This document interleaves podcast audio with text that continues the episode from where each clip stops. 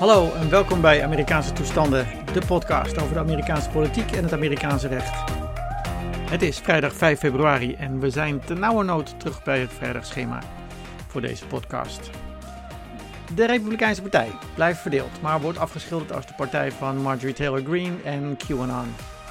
Er wordt ouderwets onderhandeld over een dringend coronasteunpakket en in de Senaat lijkt er toch iets van normale politiek worden bedreven, tot diep in de nacht zelfs.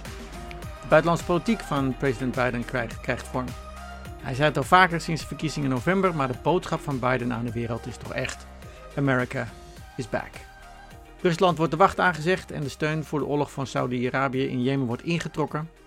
Maar de lijn van Trump ten opzichte van China lijkt te worden doorgetrokken en dat is een harde lijn. Ondertussen in de Republikeinse Partij en de Amerikaanse politiek um, gaat het eigenlijk de hele tijd maar over de innerlijke strijd binnen de Republikeinse Partij. En met name dan uh, de twee polar opposites, Marjorie Taylor Greene aan de ene kant, de Trumper, en aan de andere kant Liz Cheney, eigenlijk een representant van de oude garde, die het gehad heeft met um, uh, Donald Trump. En, en, je ziet dat de conservatieven zoeken naar een richting, maar niet noodzakelijk in de Republikeinse Partij. De GOP, de Republikeinse Partij en het leiderschap in het congres um, uh, worstelen nu eigenlijk met wat te doen, welke koers te varen. Minderheidsleider Kevin McCarthy ging nog op bezoek bij Trump, uh, maar wilde tegelijkertijd uh, niet Liz Cheney al te veel uh, afvallen. Liz Cheney had zich uitgesproken tegen Trump, gestemd voor impeachment in het Huis van Afgevaardigden.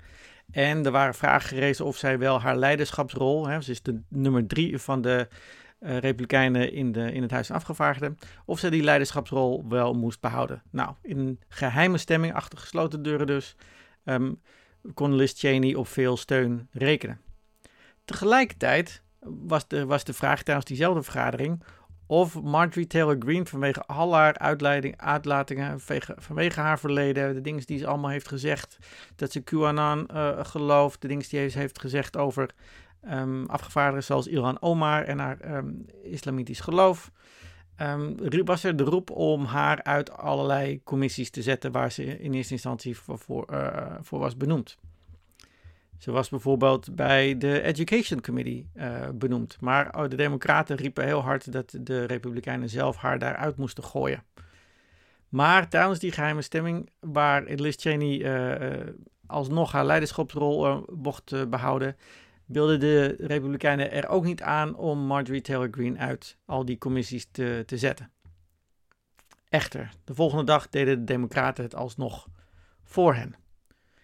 De Democraten die gaan nogal uh, fel van leer tegen Marjorie Taylor Greene. En eigenlijk schilderen de hele Republikeinse Partij af als nog steeds de representant van Donald Trump en het uh, Trumpisme. Het is een gevaarlijke koers, gevaarlijke strategie of tactiek. Want het kan de conservatieven natuurlijk ook wel weer richting de Republikeinse Partij duwen. Juist, terwijl nu ook juist samengewerkt moet worden. Nou, maar Liz Cheney heeft in ieder geval uh, steun in, uh, in eigen gelederen. En hier al zijn het er maar een handjevol. Bijvoorbeeld Adam Kinzinger, ik heb, er al, heb hem al, al, vaker genoemd.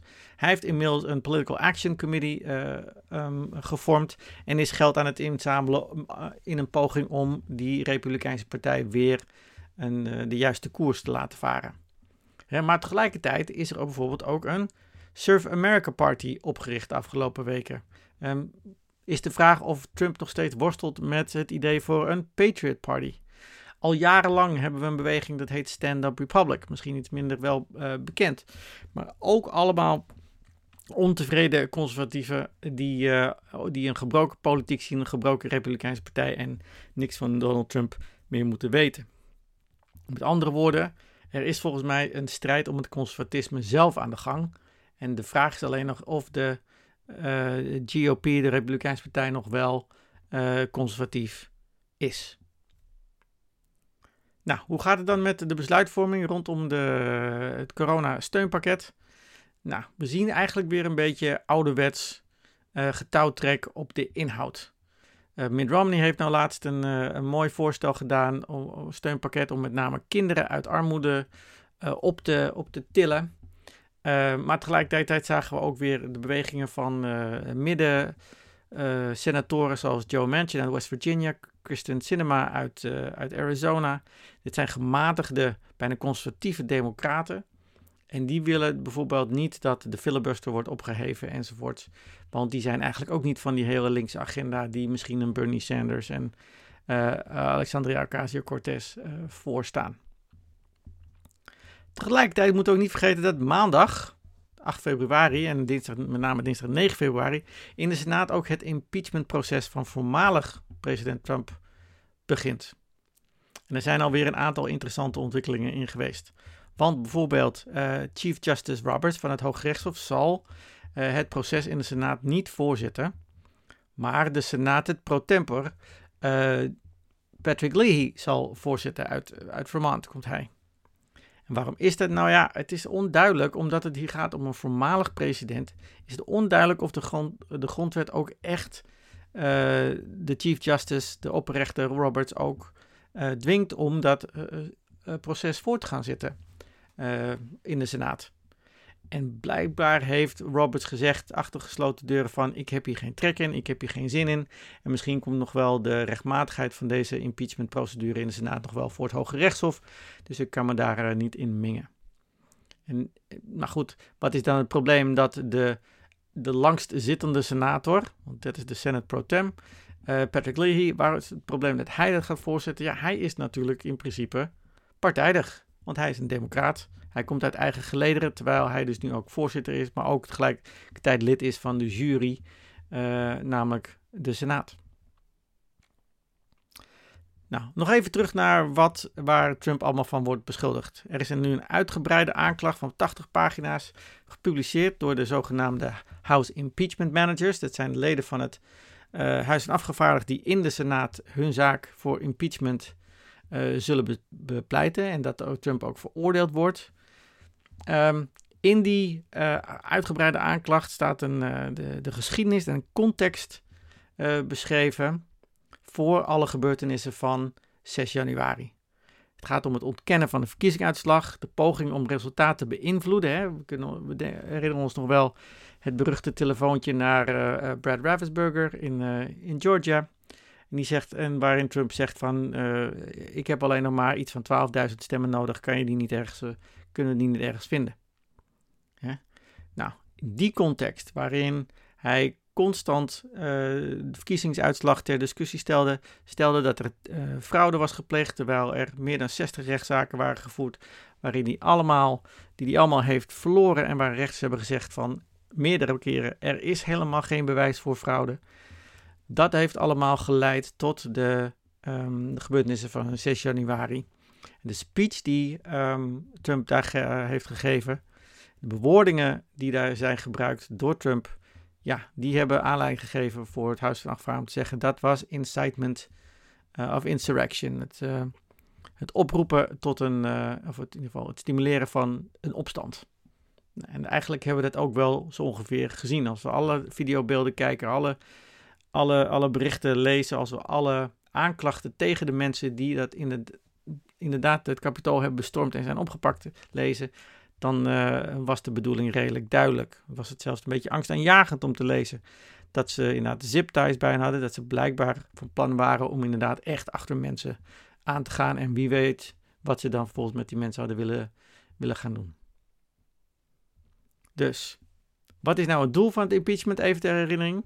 Natuurlijk, hij is al een voormalig president. Hij kan niet meer worden afgezet. Maar het gaat om het disqualificeren van Donald Trump voor enig ander ambt in de toekomst.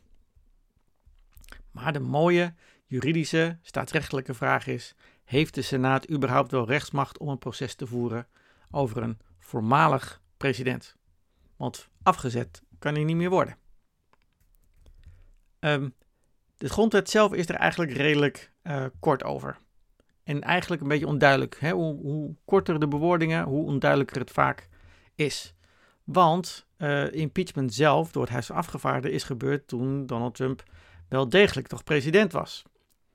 En de grondwet zegt dat de Senaat dan verplicht is om een proces te voeren.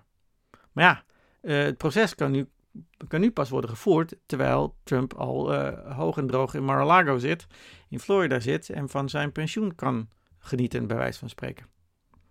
Dat is nu de juridische vraag en ook in dat uitgebreide, het uitgebreide aanklacht uh, van 80 pagina's, daar staat inderdaad ook een hele uitgebreide argument om te zeggen dat er inderdaad rechtsmacht um, is. En er wordt verwezen naar inderdaad de tekst zelf en naar de bedoelingen van de opstellers van de grondwet, maar ook naar bepaalde eerdere gevallen waarin inderdaad een voormalige functionaris inderdaad werden geïmpeached en, en vervolgens werden afgezet en gedisqualificeerd. Maar dat zijn er maar een handjevol. Volgens mij zijn het er drie, zo ongeveer.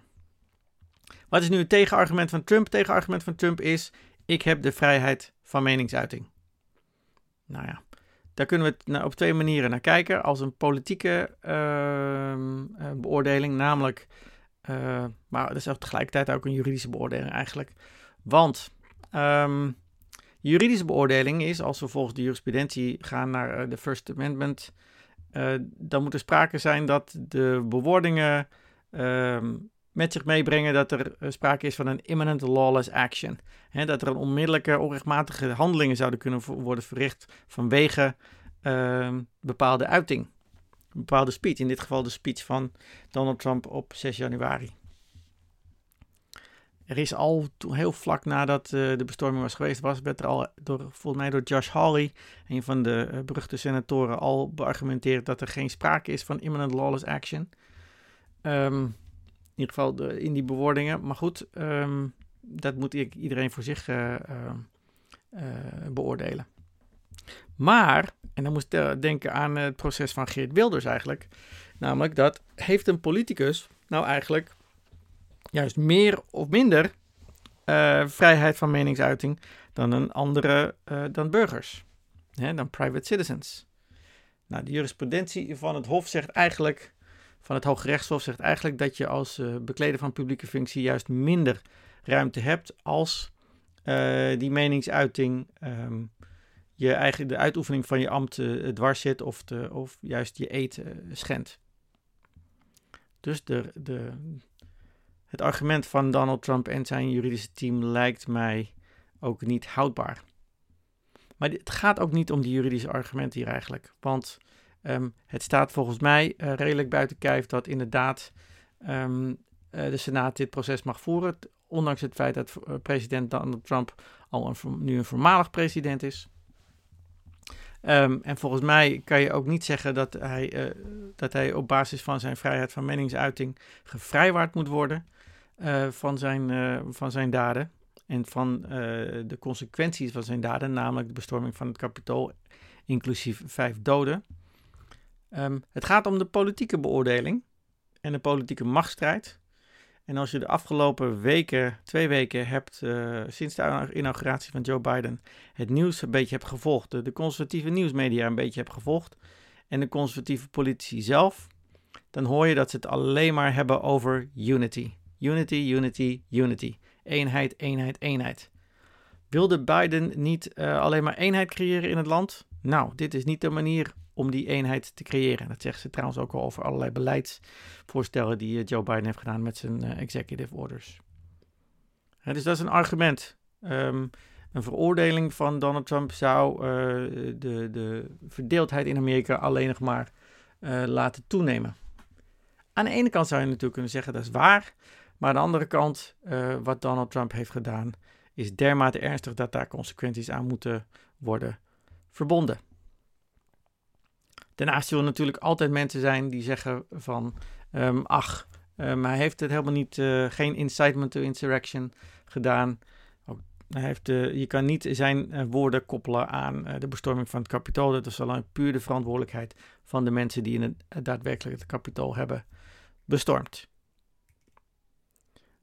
Zijn er genoeg stemmen in de Senaat om Donald Trump te veroordelen? Ik denk het niet. Ik heb een lijstje gemaakt van een aantal uh, senatoren waarvan ik denk die zouden nog wel eens voor um, veroordeling kunnen stemmen. Ik denk bijvoorbeeld aan de usual suspects, hè? Mitt Romney, Melissa Murkowski, Susan Collins, maar ook bijvoorbeeld een Rob Portman uit Ohio, Senator Burr uit North Carolina, Pat Toomey uit Pennsylvania. Uh, die laatste drie die gaan ook met pensioen. Dit is, is hun laatste termijn waar ze nu in zitten. Maar ook bijvoorbeeld een Ben Sass um, uit Nebraska. Een redelijk jonge vent die er misschien ook op gokt dat als hij voor uh, veroordeling van Donald Trump stemt, dat het hem juist politiek voordeel kan opleveren. Hij, hij gokt dus eigenlijk dat de koers van de partij richting het ouderwetse republikeinse conservatisme gaat, de establishment GOP. Um, en dat hij daar misschien de vertegenwoordiger van kan worden in 2024. Wie weet. Maar ja, dat zijn er maar uh, uh, versus 7.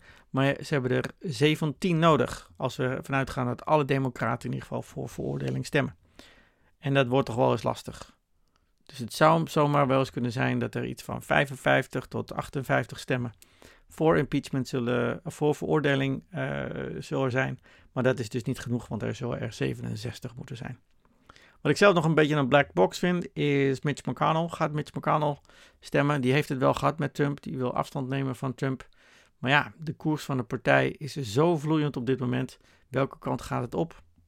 Dat weet hij ook niet en hij heeft er ook niet zoveel invloed meer op. Hij heeft gezegd een stem uh, tijdens het uh, senaatsproces zal een uh, vote of conscience zijn, een gewetensstem zijn.